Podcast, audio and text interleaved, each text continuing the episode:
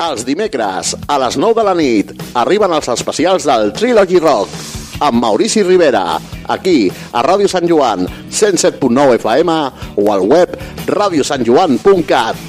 No te'ls perdis!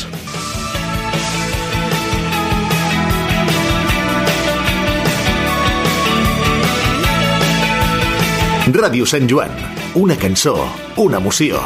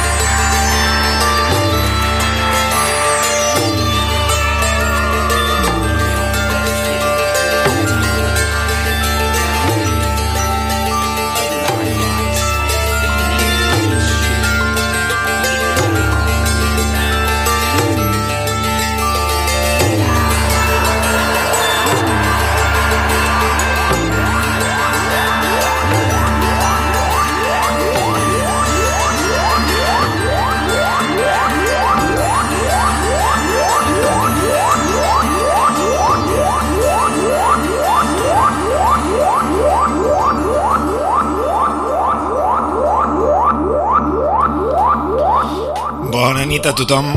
Benvinguts una setmana més a especials de Trilogy Rock. I avui hem començat, eh, com heu vist, doncs, amb, a tope amb la música d'aquesta proposta eh, del grup Goblin, també coneguts a vegades com a i Goblin. Es tracta d'un projecte doncs, que ens arriba eh, des d'Itàlia i que es presenta eh, normalment en format de bandes sonores, tot i que també escoltarem discos que no formen part de bandes sonores i algunes coses que estan relacionades amb l'univers d'aquest grup. Un univers molt curiós que dona per molt i que veureu que fa que sigui un grup absolutament sorprenent i totalment alié al que estem habituats, eh, mesclant moltes coses, molts estils i Mm, fent un tipus de so que el fa molt propi, que els ha fet molt únics i que arreu del món doncs, s'hagin doncs, llaurat un, un nom a través de, de la seva bona tasca.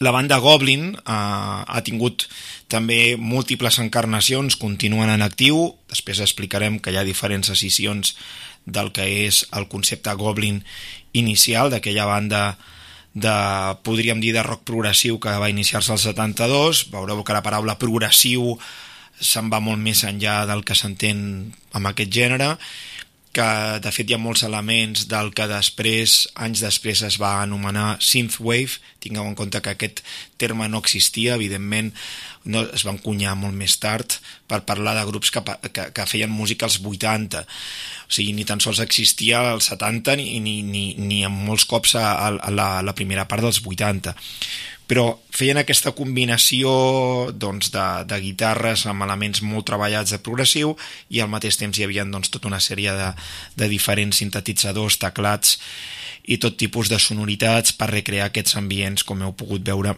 amb la magnífica banda sonora de Suspiria amb el que hem iniciat aquest especial de Trilogy Rock. Esteu aquí amb en Maurici Rivera, esteu a Ràdio Sant Joan, estem a Trilogy Rock, especials de Trilogy Rock, estem a punt d'acabar l'any, gairebé Nadal, i avui estic en directe, per tant, estic aquí sol, de fet, eh, començarà a haver-hi una mica de yuyu aquí amb aquestes músiques, per tant espero doncs, que en certa manera m'acompanyeu d'alguna manera per acabar de, de fer que això estigui una mica més ple. Bé, el, els Goblin, com us deia, ells molt posats amb el tema de bandes sonores, van començar a col·laborar amb Dario Argento, uh, Dario Argento, mític com director um, italià, popular per les seves pel·lícules de por, amb el subgènere anomenat Giallo, que és com una novel·la... és un subgènere del cinema eh, de misteri, policíac i, diguem, de por, o sigui, barreja les tres coses, i al mateix temps, inicialment el giallo venia dels llibres, um, o sigui, i després es va, quedar, es va acabar adaptant també en la seva vertent a, a Itàlia molt popular, sobretot als 70s i 80s, tot i que se'n continuen fent. I, i comentar això que Dario Argento havia treballat amb Ennio Morricone per certes pel·lícules eh, però en determinat moment descobreix aquest grup i veu que hi ha una simbiosi. Eh, en el cas de Suspiria, aquesta pel·lícula molt recomanable de l'any 77, que per cert també totes les parts de, de reedició i de remasterització de la pel·lícula, tant de banda sonora com a nivell de, de pel·lícula pròpiament de restauració i, i millora de la imatge, s'ha fet una gran tasca. Tot el que són seqüeles i totes aquestes coses que jo ja, ja no m'ha agradat massa, ja no té massa a veure ni amb Goblin ni amb Argento pròpiament dit. Anem amb una altra d'aquestes bandes sonores eh, i després us explico moltes coses. Profondo Rosso, també magnífica, a l'any 75. Hem anat del 77, ens n'hem anat més enrere, anem amb Profondo Rosso, que va sortir l'any 75 i també és una altra d'aquestes grans magnífiques. Eh, es va traduir internacionalment com a Deep Red, eh, doncs seria com vermell fort o alguna cosa per l'estil. Ja es pot imaginar que no estan parlant de cireres precisament sinó que de, de sang i coses per l'estil. Anem amb una d'aquestes cançons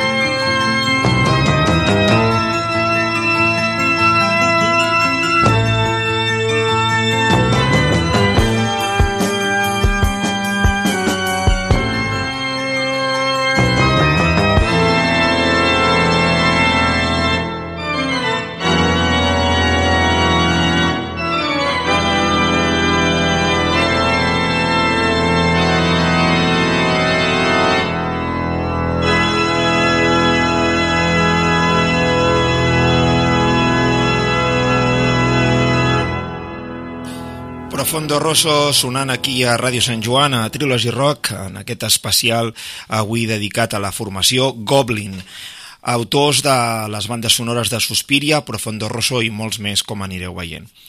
És una formació que, tot i que va iniciar-se amb aquest nom de Goblin l'any 1972, ells ja anteriorment tenien pedigrí perquè havien estat amb diferents grups, incloent, per exemple, la formació Oliver o Cherry Five. Curiosament, Oliver no va arribar a editar mai res, però Cherry Five va rescatar algunes cançons d'aquest projecte anterior, incloent la Oliver, que escoltarem d'aquí una estona. Claudio Simonetti, tot i um, desenvolupar tota la seva carrera musical a Itàlia, ell, eh, líder del grup, era precisament un músic, compositor nascut a Brasil. A Claudio Simonetti originalment havia nascut a Sao Paulo. Un músic que bàsicament és l'ànima, el cos de, més central del que s'entén com a Goblin, té molts projectes, és molt difícil de seguir de la quantitat de coses que ha arribat a editar, nosaltres ens centrarem també en algunes coses del seu aspecte en solitari, però sempre que guardi una relació amb Goblin per no fer un programa maratònic, perquè penseu que té més de 100 discos si ens basem en tot el material que té entre totes les coses. No tindria cap sentit fer això. Per una altra part, hem de dir que Goblin, com us deia, eh, venien d'aquesta banda Cherry Five, que escoltarem després, i al mateix temps doncs, també eh, ens, ens, ens hem de remuntar als anys 60 per algun aspecte de diferents grups de beat i diferents propostes relacionades com l'avançala de, de tot això que estem fent, de, de tot el que ha acabat sent doncs, precisament el projecte de Goblin. Uns grups, doncs, podríem dir, més pròxims al pop o més pròxims doncs, al, a tot el, el que és el gènere beat que tant estava imperant doncs, en aquella època. No?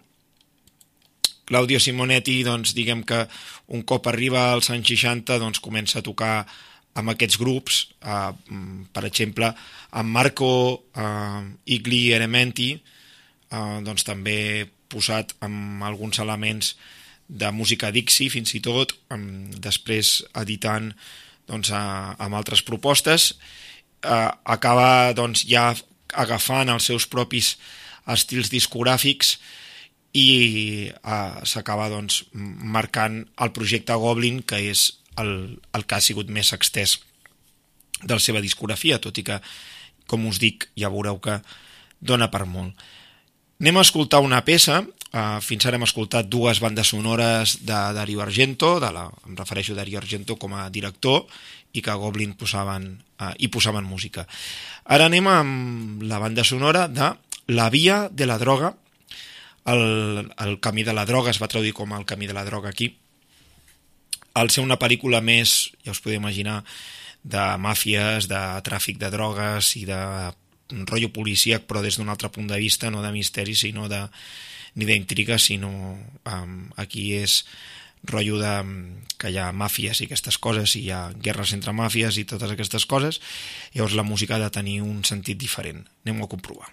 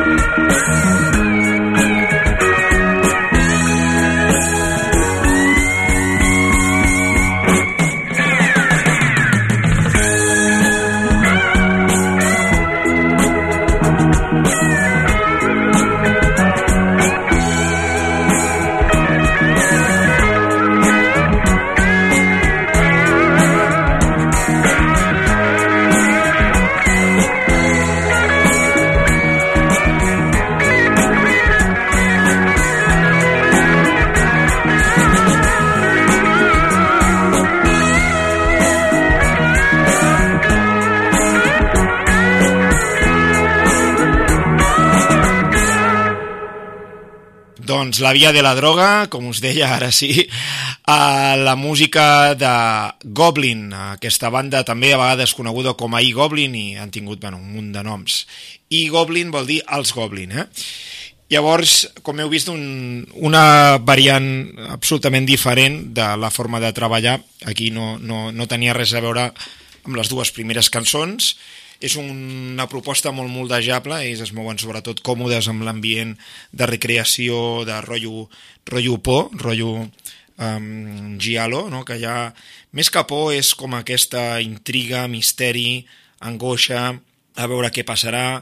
Ja sabeu que el giallo italià a mi em mola les pel·lis perquè hi ha com a vegades dos assassins treballant alhora, saps? O sigui, bueno, no, no em mola que hi hagin assassins, ja, ja crec que m'esteu entenent que és ficció, no, no, no vull que passi a la vida real. Eh, però que, clar, l'espectador no ho sap, però hi ha dos assassins treballant alhora i no es copien entre ells, no són copycats i tot això, o sigui, estan molt currats aquests gialos, val molt la pena de, de, de que feu una ullada. Um, hem de dir de que Goblin és un grup uh, absolutament admirat al seu país, uh, compten amb molts fans, eh, toquen habitualment en llocs molt grans i que, que és una banda doncs, destacada amb, amb gran pedigrí arreu del món, vull dir, no és un grup desconegut, eh, perquè ens entenguem. Eh, precisament a l'any 78, George A. Romero, eh, el mític de, doncs, mític director també de pel·lícules, en aquest cas d'Estats Units, conegut sobretot per pel·lícules com mm, The Night of the Living Dead, um, La nit dels morts vivents, i Dawn of the Dead, uh, l'albada de, dels, dels morts, um, Day of the Dead, el dia dels morts, i, i podríem continuar amb moltes altres coses, com Creepshow i molts més. Doncs hem de dir que George A. Romero um, es va enamorar de, absolutament dels Goblin, veient la bona tasca que estaven fent pel seu amic Dario Argento, i a partir d'aquí doncs, George A. Romero va dir jo els fitxo, vull que estiguin a, a la banda sonora de l'albada de, de, dels morts, de Dawn of the Dead, l'alba dels morts, i me'ls va posar allà. I va, s'ho han currat novament molt, tot i que no és tan coneguda la banda sonora a nivell de, de música, eh, la gent que veu la pel·lícula es queda bastant flipada amb la pel·lícula, sobretot amb aquesta cançó que escoltarem, eh, que es diu L'alba dei morti viventi. Eh? Eh, anem a escoltar-ho.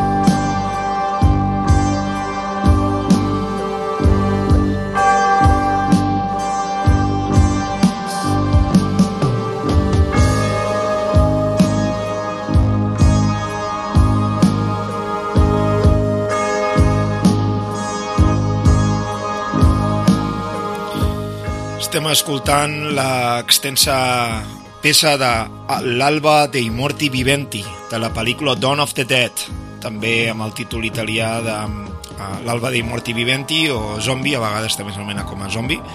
És una pel·lícula que... Per, perdoneu, eh, avui el meu italià, perquè no, no en sé, i avui no tinc l'Helena que em faci de... em xivi les bones pronunciacions.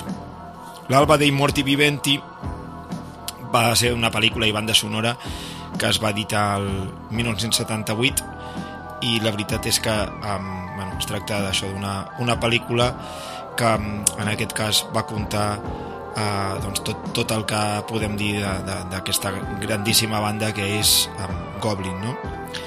uh, Dawn of the Dead, el títol original en, en anglès, doncs això és considerat tot un clàssic també del cinema de terror i dels zombis i també un punt de partida juntament amb l'encara més antiga i més mítica Night of the Living Dead. Eh, els Goblin eh, hem de comentar de que precisament és un grup que, que sempre ha intentat doncs, tenir aquest segell però no repetir, si, si us hi fixeu a les tres pel·lícules hi ha un segell però tampoc sona ben bé igual no? O sigui, no, no és allò que sempre facin la mateixa cançó saben trobar un terme mig eh, nosaltres en el seu moment eh, vam tenir la sort eh, de poder veure a Barcelona el, el grup Goblin l'encarnació dels últims anys que van estar interpretant precisament Suspiria eh, en una en, es va passar doncs precisament a, a l'Espai Fontana al carrer Gran de Gràcia dins dels actes del Festival LEM 2014 es va doncs, passar la pel·lícula a, a, la, la pega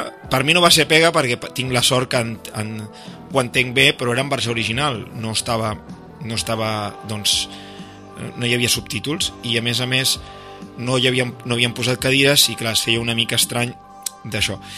La part bona és que hi havia a temps real, mentre es projectava la pel·lícula, el grup Goblin, a, amb el subnom de Claudio Simonetis Goblin, que és una de les decisions que ha sortit de Goblin, ara ho anirem explicant, doncs actuant en aquest festival LEM.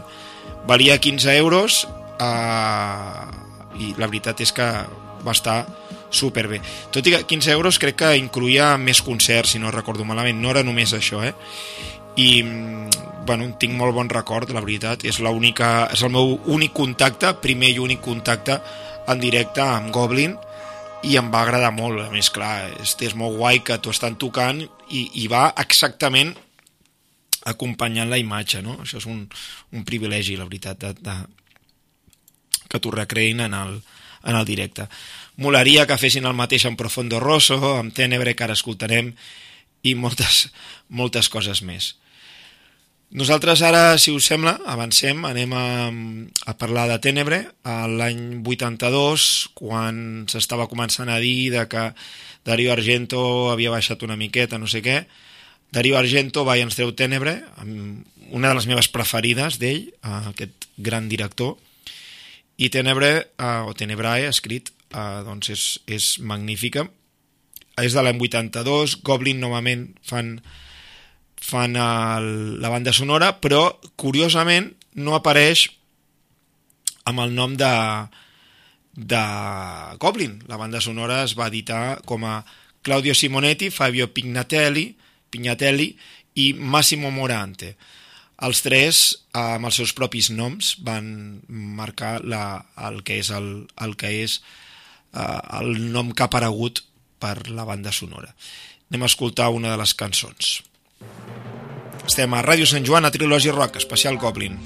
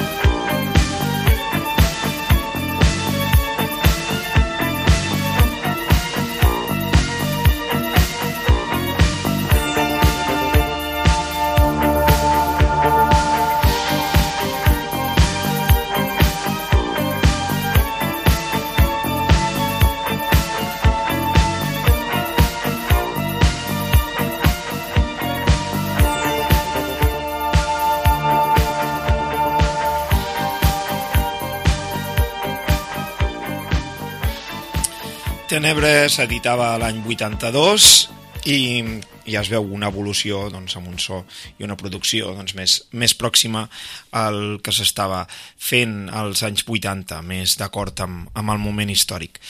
I hem, hem de dir això, no? aquesta banda sonora, que com us estava explicant, no va sortir editada amb el nom de Goblin, sinó que amb el nom dels tres components que són Simonetti, Pignatelli i Morante. Doncs eh, això era el 82.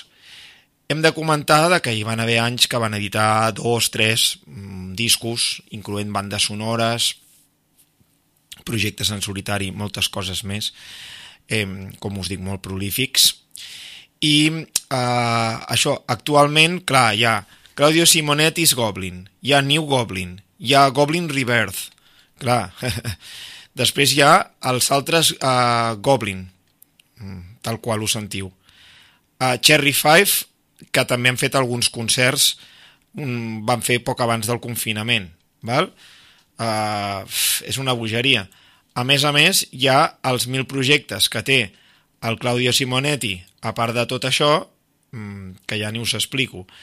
Um, Claudio Simonetti, a més a més de, del que estem explicant i del que explicarem de, de diferents grups que, o propostes que va tenir als 80, ell també doncs també té tot el que és el projecte que s'anomena Simonetti Horror Project. Val? Això també encara ho té actiu. Uh, o sigui, al marge del que és Claudio Simonetti's Goblin, que, que, que és el que va tocar al LEM a Barcelona, també té això de Simonetti Horror Project, que algunes vegades també toca repertori de, de, de Goblin, però ho fa en solitari, el que pot fer ell amb teclats amb alguna incorporació de guitarra, però sobretot ell, a part també de peces pròpiament amb aquest nom, que no tenen res a veure amb, amb aquestes bandes sonores, sinó amb altres bandes sonores o amb altres discos. O sigui, és una mica complicadíssim, és com rotllo Howind, que has d'estar molt posat per seguir ben bé què està passant en el món de, dels Goblin, perquè són, són tan prolífics i tenen tants projectes, i a sobre, els tres han anat per bandes diferents i tothom aquí està tocant eh, Goblin, pues, passa el que passa. Llavors, eh, tornem a l'any 77, a Suspiria, aquesta banda sonora tan magnífica que us he comentat que vaig tenir la sort de poder veure en directe en la seva representació, reproducció, mentre feia un passi de restauració eh, al Festival LEM 2014. Anem amb una de les cançons, també així perquè es vegi un so una mica diferent, l'anomenada Witch, bruja, i que sona així.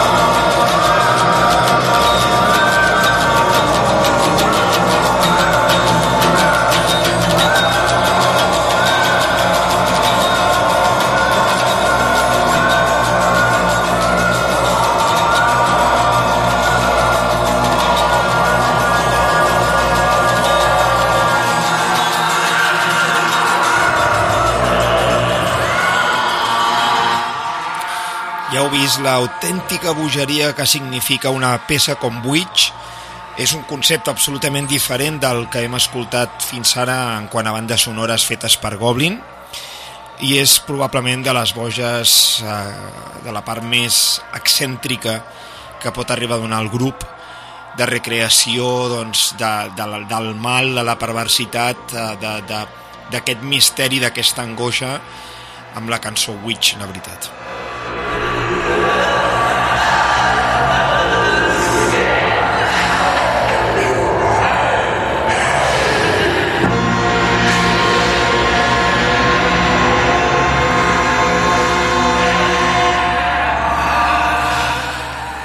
Evidentment, la banda sonora de Suspiria sempre rep unes puntuacions d'excel·lència, de nou en amunt, i és una, una banda sonora doncs, que, que dona, dona molt joc, no? Té, té, té tots aquests canvis no? I, i hi ha moltes guitarres, violí, tot tipus de teclats, van jugar eh, posant doncs, ja uh, piano elèctric Rhodes, Fender Rhodes, uh, bueno, Rhodes, no? Uh, um, Celesta, uh, diferents MOOCs, mini MOOCs, um, tot tipus de, de, de teclats addicionals, uh, bueno, una passada. I després hi ha violí elèctric, uh, bueno, de tot. Hi ha un munt de guitarres de tot tipus, instrumentació de l'est també, de busuki, uh, tabla, i, i llavors bueno, els elements aquests de, de veu també molt ben aconseguits.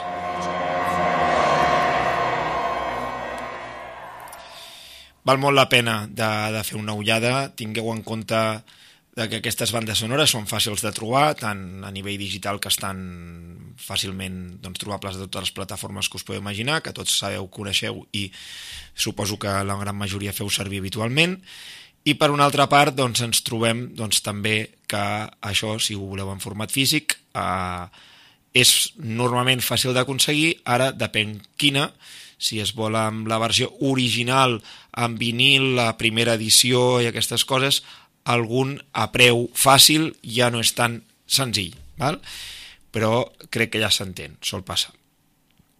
Bé, Uh, arribats a aquest punt, crec que és interessant d'anar cap al futur, que és el nostre passat encara, per remuntar-nos a una altra banda sonora, però de també època 80s. Val? Estàvem novament als 70s, tornem als 80. Anem amb Fenòmena, una, una pel·li més discreta a nivell de, de qualitat en quant a Dario Argento, però ei, és molt gaudible. Eh? Potser no, no té tants bons actors, el guió no aporta res de nou, és una mica previsible, és més d'adolescent, potser eh, orientat a un públic més jove, però igualment és gaudible, està prou bé i, bueno, està bé. És una mica allò lo típic, no? que, que algú té com superpoders psíquics i no sé quantos i passen coses. És una miqueta el, el resum de, de la pel·lícula. Bueno, moltes d'aquestes tenen un, un resum semblant. Eh, això sortia l'any 85 i diguem que en aquest moment el, eh, clar, estaven, ja us estava dient que també ja tenia per una altra part la música el Claudio Simonetti estava amb tot el seu rotllo doncs, de fer les coses pel seu compte val? Al marge d'això, tenia les seves bandes sonores, els seus projectes, i anava editant a saco. Aquí decideixen, um, Argento decideix de dir ei, això ho estic orientant al jovent, què, què escolta el jovent? A veure, què escolta el jovent als 80? Doncs ell, jo no sé amb, amb qui es va assessorar, entenc que va tirar dels seus gustos, no del que ben bé escoltava el jovent, perquè, clar, aquí va posar va posar música del Bill Wyman, eh, va posar música d'Iron Maiden, sí, evidentment això Iron Maiden picava fortíssim a l'any 85. Sex Gun Children eh, m'encanten i adoro aquest grup, però està clar que no crec que fos el que més escoltava el jovent en aquell moment. Jo encantat perquè la banda sonora queda super variada i super interessant. He dit aquests tres noms per dir-ne uns quants. Val? Llavors, al mateix temps, teniu aquí el Claudio Simonetti doncs, fent totes les, les històries aquestes i, i llavors apareix la banda sonora en general firmada, firma, uh, firmada com a Goblin. Anem amb la cançó Fenòmena pròpiament dita.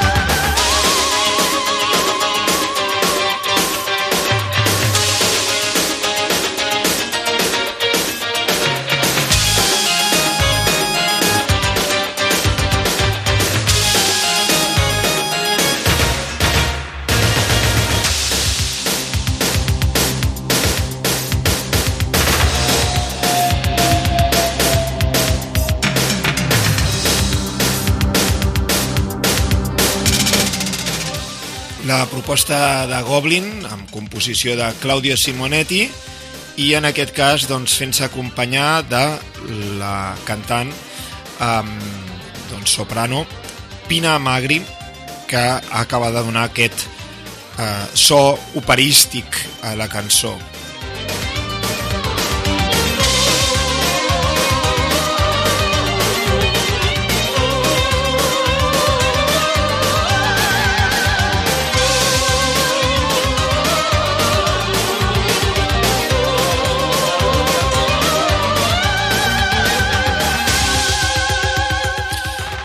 Curiós, si us heu fixat, aquest darrer tros, entre què he parlat i ara, que hi havia un solo pròxim al, al heavy metal, podríem dir, amb teclats super 80s, però al mateix temps uns segons teclats molt progressius de, dels 70, i el, i el rotllo synthwave, no? O sigui, tot, com els tres teclats, estaven aquí els tres tipus de teclats, amb una producció 80s i la part d'òpera, fent això com una cosa bastant peculiar i única, no?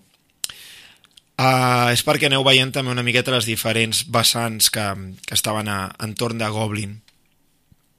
Ara nosaltres el que farem, abans hem esmentat que un dels primers passos que es va fer previ a Goblin, anem a veure d'on venia tot això, tenien un, un projecte que uh, van tenir diversos projectes, no, no escoltarem música de tots per, per, perquè ens allunyaríem i normalment ens aniríem molt d'horari, però eh, hem de dir que, que Goblin bàsicament venien de la formació anomenada Cherry Five. Primer es deien Oliver, que ara escoltarem precisament la cançó Oliver de Cherry Five en honor a aquest grup que tenien anterior, una peça que ja, que ja tenia. Ai, m'estic liant molt. Uh, Oliver va, va passar a ser Cherry Five. Uh, alguna de les cançons que ja es tocava amb Oliver es va gravar com a Cherry Five va ser com la progressió del propi, del propi nom, val? perquè ens entenguem. Eh, anem a escoltar una d'aquestes cançons um, i us explico més cosetes. La deixo un, de moment de fons mentre us acabo d'explicar coses i escoltarem, eh, dura 10 minuts, per tant escoltarem un, un fragment però abans de que ho posi en primer pla, que pugueu gaudir-ho, com vull comentar quatre cosetes sobre els Cherry Five. Diguem que aquí diguem que que el grup va anar tocant, va editar material i en el pas del que va ser gravar la banda sonora pròpiament de Profondo Rosso és quan el grup va tancar el període Cherry Five i va passar a dir-se Goblin entenent que és per donar-hi un, un so i un, i un diferenciar i donar un so més fosc i més de, de, del giallo, no? de, de, del misteri policíac, intriga i similar. El grup enregistra un sol treball a l'any 75, tot i que després del 2015 apareix més material eh, hi han hagut algunes, alguns petits retorns per alguns bolos i algunes cosetes de forma esporàdica.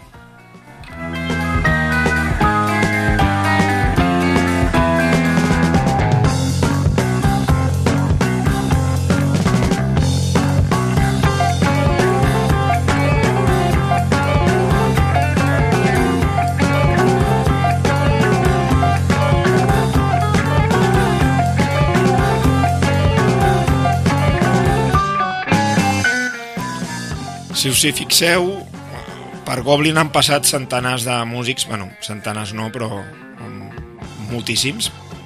I en el cos central de Cherry Five hi ha ja Claudio Simonetti, Pablo Pignatelli i Massimo Morante, els tres doncs, el cor central del que s'ha entès com a, com a Goblin.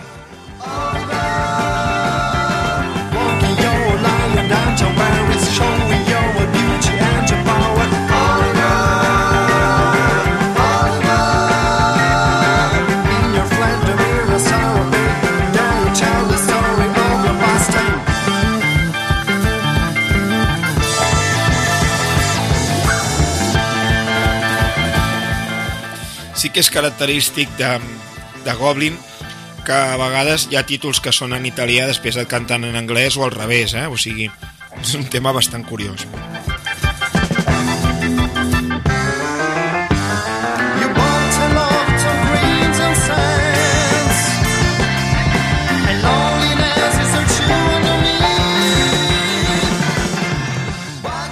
Bé, deixem la música de Cherry Five i anem amb Claudia Simonetti en solitari.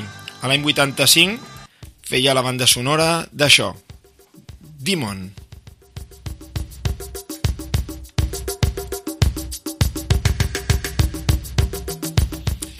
Una pel·lícula de Lamberto Bava amb el títol italià de Demoni.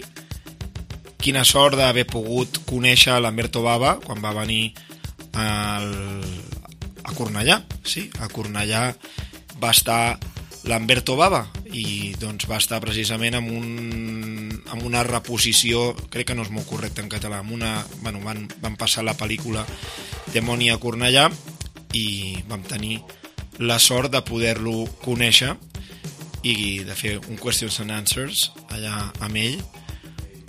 Increïble que, que estigués aquest home doncs, per aquí i amb la banda sonora aquesta tan, tan bona, la veritat espectacular. Eh, doncs de poder comptar amb ell. Va ser el festival B Retina any 2018 genial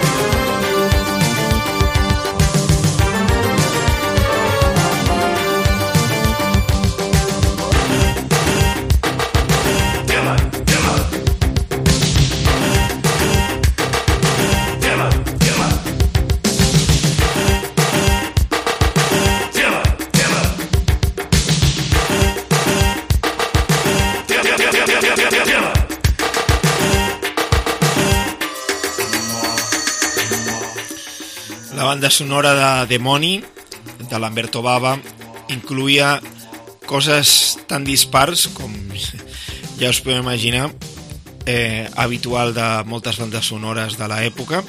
Billy Idol, Accept Motley Crue Rick Springfield, Pretty Mates, Go West Saxon i entre d'altres diverses cançons de Claudio Simonetti com aquest Demoni o Demons en anglès eh? Demon. Doncs això eh, molt curiós, la veritat. I Claudio Simonetti doncs, va fer moltíssimes bandes sonores amb el seu propi nom, amb el projecte aquest que és Claudio Simonetti. Doncs ja siguin, per exemple, New Barbarians, uh, Hands of Steel, Body Count, The Church, entre molta, moltes altres, la que escoltarem ara, de Cat and Run, de l'any 86 també un, una pel·lícula que va comptar amb molta música, diguem que va ser interessant amb aquest aspecte, i va ser una pel·lícula italiana amb la direcció de Ruggero Deodato, que va tenir també doncs, repercussió internacional. Em, és potser un apartat perquè veieu la part que se'ns en va una miqueta fins i tot en algunes cançons cap a l'Italo Disco, i és que Claudio Simonetti, paral·lelament a tot el que estem explicant en aquest impàs dels 80, a part d'aquestes bandes sonores de por i de, del projecte, tingueu en compte que el grup es va anar separant, es va anar tornant a, doncs, a reunir, i han hagut diferents processos, després les sessions, després han fet les paus, bueno, tot això. I mm, entre aquest període de finals dels 70s i 80s, que agafa tota una part d'elements de música disco, elements eh, també d'acompanyar altra gent, de composar per altra gent, elements de, de bandes, doncs, podríem dir, d'estudi, amb, bueno, una miqueta orientades a la pista de ball i similars, projectes com Easy Going o, per exemple, treballant amb BB&B, eh, doncs van tenir molta repercussió, mm, són grups com per exemple Crazy Gang, probablement no us sona, si, si escolteu aquestes peces a YouTube flipareu de la quantitat de visites que tenen i direu, ah, però si jo aquesta cançó la coneixia, doncs les ha fet també aquest home, que pareix que són cançons que són més famoses que, que, que no que l'autor, sinó que el, el sobrenom que feia servir. Sigui, hi ha coses que us quedaríeu impressionats de dir, però si aquesta cançó l'he ballat a molts caps d'any o molt, moltes nits de Sant Joan i, i rebetges i històries, doncs sí, probablement, i les ha fet aquest home. Van tenir molt èxit entre finals dels 70 i la, la meitat dels 80, incloent algun disc absolutament d'Italo Disco, que, que no ben bé ho escoltarem perquè se'ns allunya una mica de l'especial que estem fent, no perquè no m'interessi, eh? és més, més per concretar una mica. Sí que fem una petita incursió amb això que estic explicant, perquè s'entengui, per il·lustrar una miqueta el que estic dient, i ho farem amb la banda sonora de la pel·lícula Cat and Run i la cançó principal.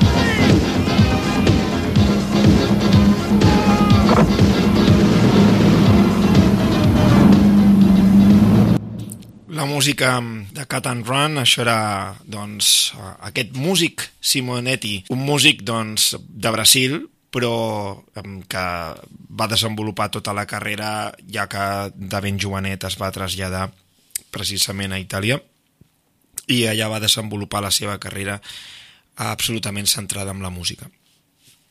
Anem ara amb una història perquè veieu que els Goblin no només editaven bandes sonores, tot i que era el seu fort, Goblin també treia discos de rock progressiu al marge de recrear la part de, de por, no? És el cas, per exemple, d'un un tema a l'àlbum anomenat Roller, um, un disc que, que va sortir doncs, precisament en aquest impàs de, del que us estava explicant i, i diguem que et trobes doncs, que uh, Roller um, es va editar a l'any 76, val? o sigui, ja sortia, havia sortit Profondo Rosso, a l'any següent sortiria Suspiria, eh, tingueu en compte de que estàvem a l'any 76 havien començat editant el 75, o sigui, el grup va començar el 72, apareix també Cherry Five per una banda al disc, i llavors passen a treure 1, 2, 3, 4, 5, 6, 7, 8 discos, o sigui, 7 bandes sonores i una caràtula de televisió, passen a treure 8 discos amb 3 anys, val? o sigui, tal qual ho sentiu. Arriba al 78 i ens treuen 1, 2, 3, 4, 5, 6 discos. O sigui, és una bogeria, perquè, clar, amb tantes bandes sonores i això, però, clar, les bandes sonores tenen moltes cançons. Això és una cosa que me n'he donat i ara aquest any he tret una banda sonora.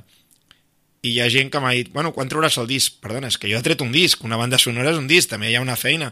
És un altre concepte. Una banda sonora no és el mateix que un disc de pop, perquè ens entenguem. O que, que un disc que bueno, porta una feina molt diferent al disc de pop, però igualment és molta feina és una feina molt diferent, perquè la instrumentació en aquest cas és diferent, i llavors hi ha uns canvis, però la feina hi és, i, hòstia, mm, aquesta gent era superprolífica i amb un nivell altíssim durant tots aquests primers anys de, de treball, no? Eh, escoltem una peça de l'àlbum Roller, aquest disc us dic que és més del concepte progressiu que us estava explicant, i ho farem amb la cançó Aquaman.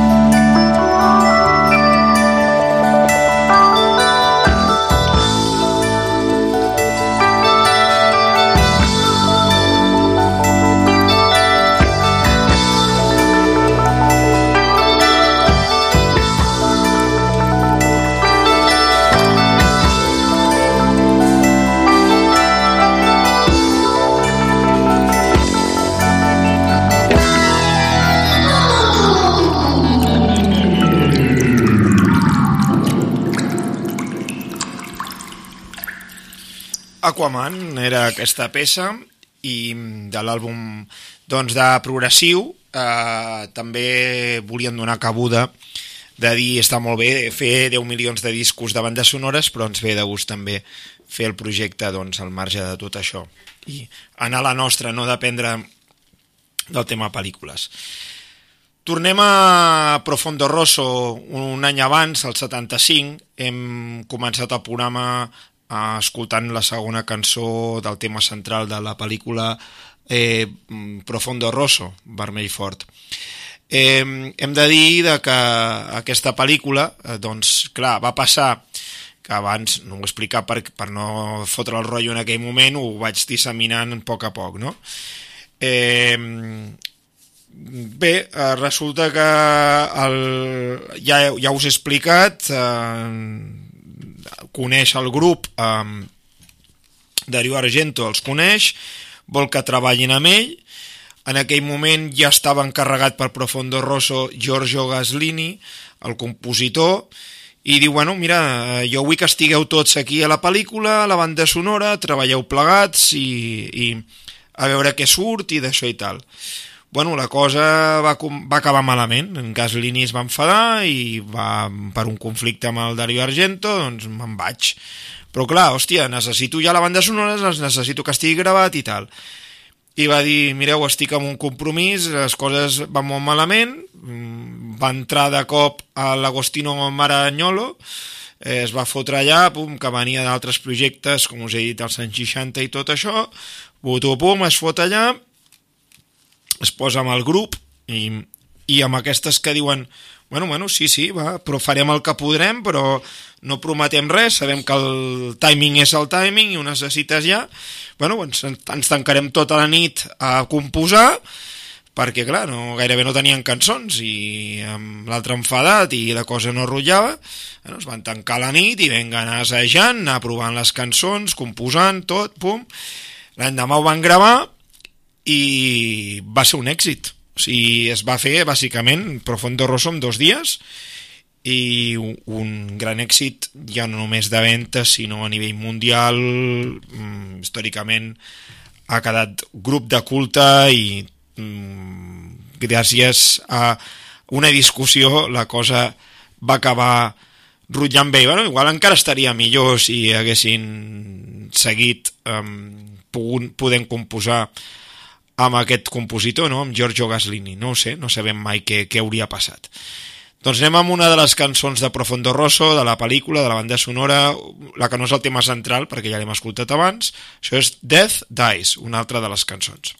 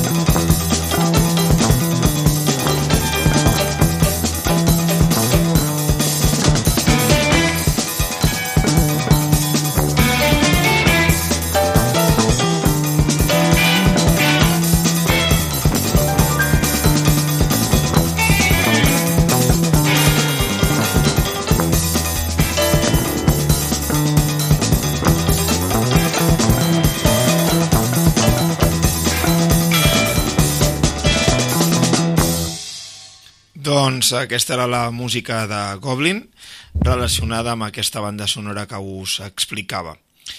I anem ara amb una curiositat, eh, això a mi a títol personal m'ha fet gràcia, no, no, no, no conec ara mateix, bueno, potser sí, eh, però ara mateix no hi caic.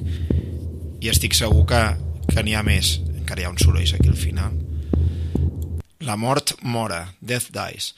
Uh, sí, el que us estava explicant, que hi ha una, un moment molt, molt curiós, és que l'any 78 uh, uh, va passar una cosa que sé que segur que hi ha més casos, i sé que hi ha més casos, però no hi caic ara mateix, no, o, o no els conec, no, no ho sé. A veure, eh, sabeu allò dels remakes, no? Allò que fan una pel·lícula i després van els americans a Hollywood i fan la versió, doncs, l'americanada, no? I per l'estil. Doncs va passar una cosa molt curiosa. La pel·lícula Patrick, a l'any 78, la va composar un, un compositor australià que es diu Brian May, sí, com, el, com el Brian May de, de, de Queen. O sigui, no, no és la mateixa persona, eh? el Brian May és anglès, aquest altre Brian May és un reputat compositor australià que ha fet, per exemple, bandes sonores com Mad Max. Val. La, la qüestió és que ell va fer la música. Però resulta Ara aquí entra la meva sorpresa, que això ho he descobert preparant l'especial, és que per l'estrena, perquè es pogués estrenar a Itàlia, l'estrena a Itàlia, la música la van refer als Goblin. O sigui, no sé si s'està entenent. Internacionalment, Brian May, però l'australià, fa la música. A Itàlia, per l'estrena, tenien tanta popularitat que van tornar a fer la música, o sigui, van agafar la música i la van regravar i refer en alguns casos i en alguns cops partint de zero pròpiament perquè aparegués que era música de Goblin en el 90 i algú per cent de, de, de, de la banda sonora. O sigui, increïble. Ens quedem amb una de les cançons, evidentment, en mans de Goblin, no de Brian May, un altre dia podem parlar del Brian May australià, però avui no, no toca. Això és Transmute, la part 2.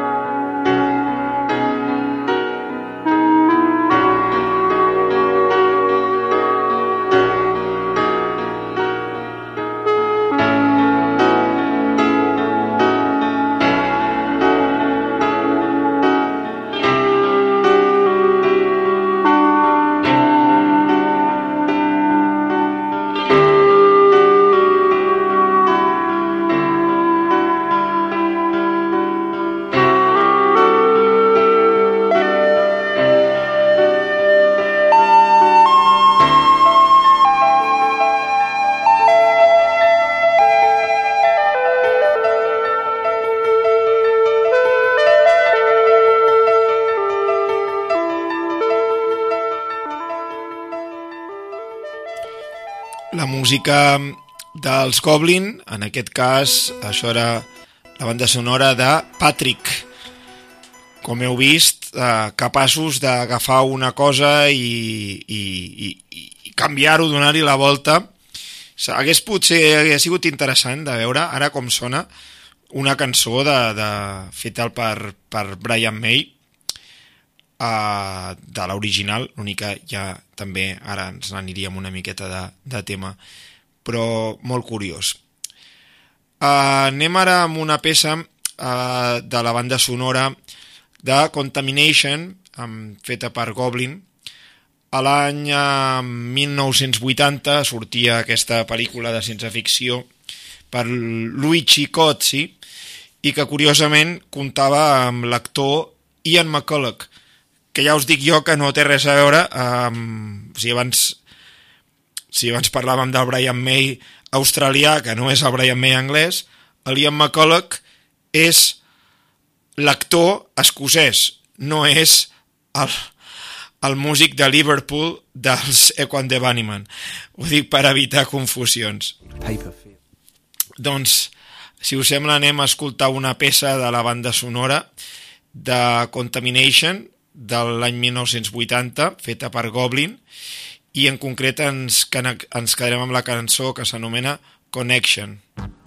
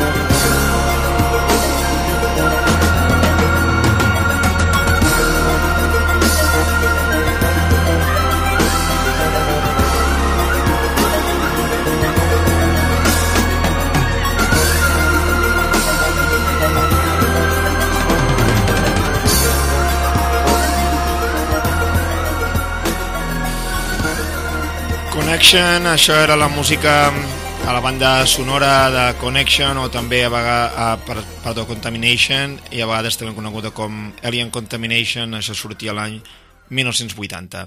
Recta final del que és aquest especial dedicat a l'univers Goblin. Hi ha tantíssima cosa, podríem posar molta cosa.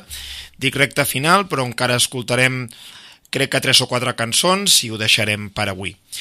Esteu aquí a Ràdio Sant Joan, a Trilogy Rock, amb en Maurici Rivera, en directe. Avui oferim-vos un especial dedicat a la mítica banda Goblin, el projecte de Claudio Simonetti i un, una banda en la majoria de casos trio, però augmentada a diferents músics, a diferents formacions, amb molts canvis de membres, però centrant-nos sobretot amb el que és bandes sonores, però aquí hi ha elements de, de moltes coses més. Eh, un, un grup molt singular, molt peculiar, molt interessant. Si voleu saber com s'escriu tot això, avui el meu italià ha quedat clar que és sota, està sota mínims. Eh, no, no en sé, siguem sincers, i a partir d'aquí, doncs, com que no tinc l'Helena, doncs espero que, tot i així, us hagueu assabentat de com es diuen les coses. Si no és el cas, o voleu saber repescar una miqueta tot el que hem estat punxant o estem encara escoltant, doncs podeu anar a trilogyrock.com o també a les xarxes socials de Facebook i Instagram.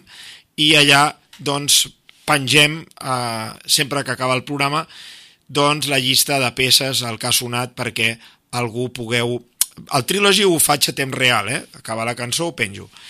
Però la resta de llocs també es pot consultar i així sabeu ben bé com s'escriu i, i aquesta peça m'ha agradat, com és això? Tal, doncs ho podeu repescar i tornar a mirar i consultar el que faci falta.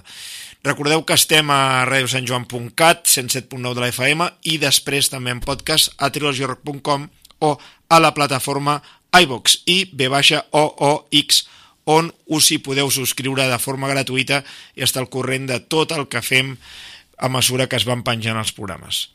Bé, dit tot aquest rotllo, anem amb la banda sonora que Claudio Simonetti va fer de Midnight Killer, l'assassí de mitjanit. Escoltem una de les cançons que forma part d'aquesta banda sonora i que ara doncs, degustarem en mans de Claudio Simonetti. Ho farem amb aquesta peça anomenada Nicolas Death, la mort de la Nicola.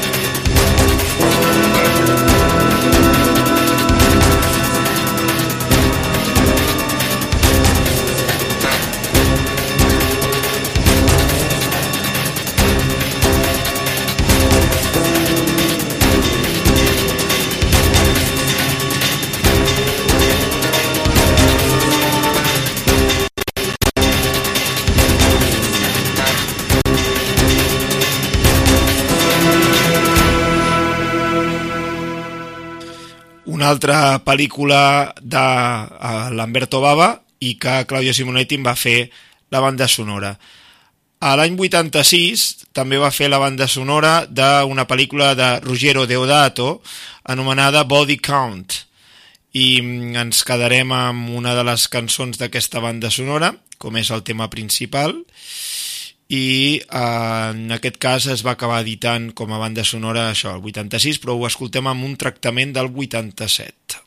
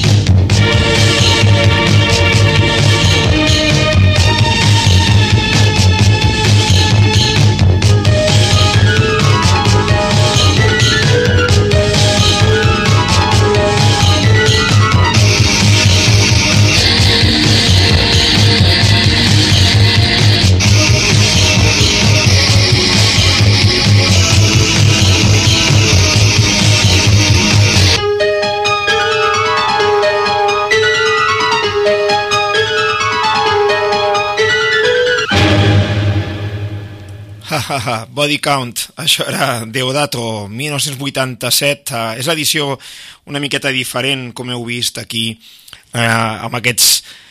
Hi ha, hi ha uns teclats super nets i tal, rotllo gairebé així com molt, molt, molt podríem dir d'església o de poc propis d'aquest tipus de so i després hi ha aquests teclats super, super guarros amb un so super guarro i tal, eh, fa molta gràcia aquesta banda sonora. La pel·lícula és dolentíssima, però m'ho vaig passar superbé veient-la en el seu moment. Típica pel·li que, que jugaves al videoclub i tot això. Bé, uh, vinga, anem ara amb una anècdota. Mm, bé, hi havia certa pel·lícula que es va editar, uh, això, això es farà gràcia, Eh, es va editar una pel·lícula, aviam, que m'estic perdent de tantes pel·lícules. És que aquesta no l'he vist, val? aquesta que us explicaré ara no l'he vist i eh, se m'ha anat el nom de la peli. Sé que es diu Virus, però hi havia, us volia dir el director i tot això. bueno, la pel·lícula és igual, com que es diu Virus, ja, ja, ja us ho dic. Bueno, eh, bé, la pel·lícula Virus eh, va passar el següent. Um, van, van fer la banda sonora, val, fins aquí cap problema, però, hòstia, la pel·lícula la van fer a partir de fragments de d'altres bandes sonores. O sigui, van sablejar, amb permís, eh? És en plan, ara no ens va bé de fer la banda sonora, hi ha molt poc pressupost, també, doncs, bueno, no passa res. Va i van agafar la peli a partir de, de, de, de cançons de les altres bandes sonores d'algunes peces que, per exemple, hem escoltat. I van fer tot això i, pum, van, van acabar doncs, eh, editant-ho així tal qual, no? I clar, és, hòstia, que bèsties, saps? Perquè, bueno, és com una, una cosa curiosa, no?, de, de, de, fer, de fer això. I em va semblar, doncs, molt curiós. Eh, és la pel·lícula Virus, correcte, ho he dit bé tota l'estona, ara ho estic comprovant. Té el subtítol de L'infern dels morts vivents, Hell of the Living Dead, i és de l'any 80. Director Bruno Mattei. A la portada surten tres caps escapçats.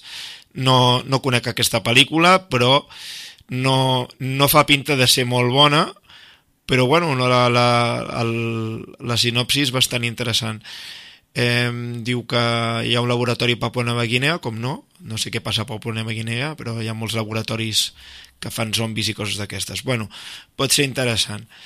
Um, bé, va, anem a les últimes dues cançons. Anem amb un projecte uh, curiós uh, que per un tema contractual i per un tema de diferència de so uh, va passar el següent quan ja havien editat Profondo Rosso i abans d'editar Suspiria, eh, ells van treure aquell disc de progressiu que hem escoltat abans, el Roller. Però, al mateix temps, el grup ja tenia una identitat. Profondo Rosso va ser un èxit, es va vendre més d'un milió de còpies i va implicar doncs, que el grup tingués ja un so molt identificat a la banda sonora, tot i que només n'havien tret una i havien fet també algunes coses de sintonies per tele. Al mateix temps, eh, el grup tenia un logotip que sortia com un goblin, una mena de dimoniet, i a partir d'aquí doncs, aquesta criatura vermella doncs, tan misteriosa també donava doncs, ja una identificació al grup. I clar, van fer um, el tema aquest de... havien de fer una altra banda sonora, un altre projecte que tenia un so molt diferent i van dir, mira, saps què? Doncs, eh, com que la promotora està d'acord, el director de la pel·lícula, Mauro Macario, també estava d'acord, i la, la discogràfica Cinebox també estava d'acord, doncs van dir, no passa res, vale, doncs traiem el projecte però amb un altre nom i es van fer això del projecte Asil Reale Imperio Británico i, i a partir d'aquí doncs, bueno, van fer aquesta excel·lent banda sonora amb la cançó, per exemple, Epopea. I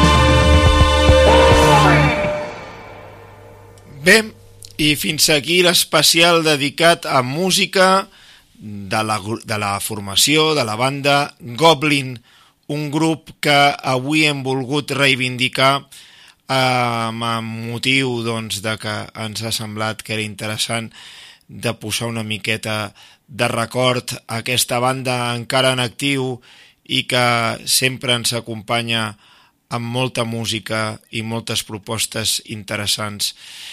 Eh, heu estat aquí a Ràdio Sant Joan amb mi, amb Maurici Rivera. Ens escoltem divendres a dins del Neules i Torrons, especial que es fa sempre per Nadal, a la nit del 24, perdó, la tarda del 24, i el dia 25 estarem gravats, mai deixem de fer trilogy, com que avui en dia hi ha els podcasts i tot això, sabem que és molt mala data, tant el 25 com l'1, entenem que la gent estarà per altres coses, que no pas per escoltar-nos en directe, si algú es vol apuntar a escoltar en directe és molt benvingut, evidentment, però sí que hem de dir de que el dia 25 estarem amb les nostres famílies, amb la nostra bombolla, que ningú s'espanti, no serem més de 10 persones, serem la colla de casa, i, i a partir d'aquí doncs, estarem amb actualitat musical, però estarem gravats. A res, això, com us dic, heu estat amb mi Maurici Rivera en aquest especial Goblin. Tancarem amb una cançó ben especial um, de Claudio Simonetti, al marge de, de Goblin amb un dels seus molts projectes que té. Ho farem amb una cançó, com no, eh, anomenada Òpera. M'ha semblat que era molt, molt interessant per tancar. Veureu que Claudio Simonetti doncs, toca molts altres estils de música si, si ara ens poséssim amb tots els seus projectes paral·lels, com us he dit, la cosa no s'acaba aquí i si anéssim amb els altres components ja no us explico, però jo crec que ara doncs portem exactament una hora i 47, escoltem l'última cançó i ens anirem ja gairebé les dues hores, potser, potser dues hores no, però dura bastant, i amb això ja, ja tancarem. Vinga, gràcies, adeu a tothom, això és, com us dic, Claudia Simonetti, any 87, la cançó Òpera, també recollit a, a una reedició de luxe l'any 2015, que recomanem també. Anem, doncs, a escoltar això i tanquem. Adeu a tothom. Thank you.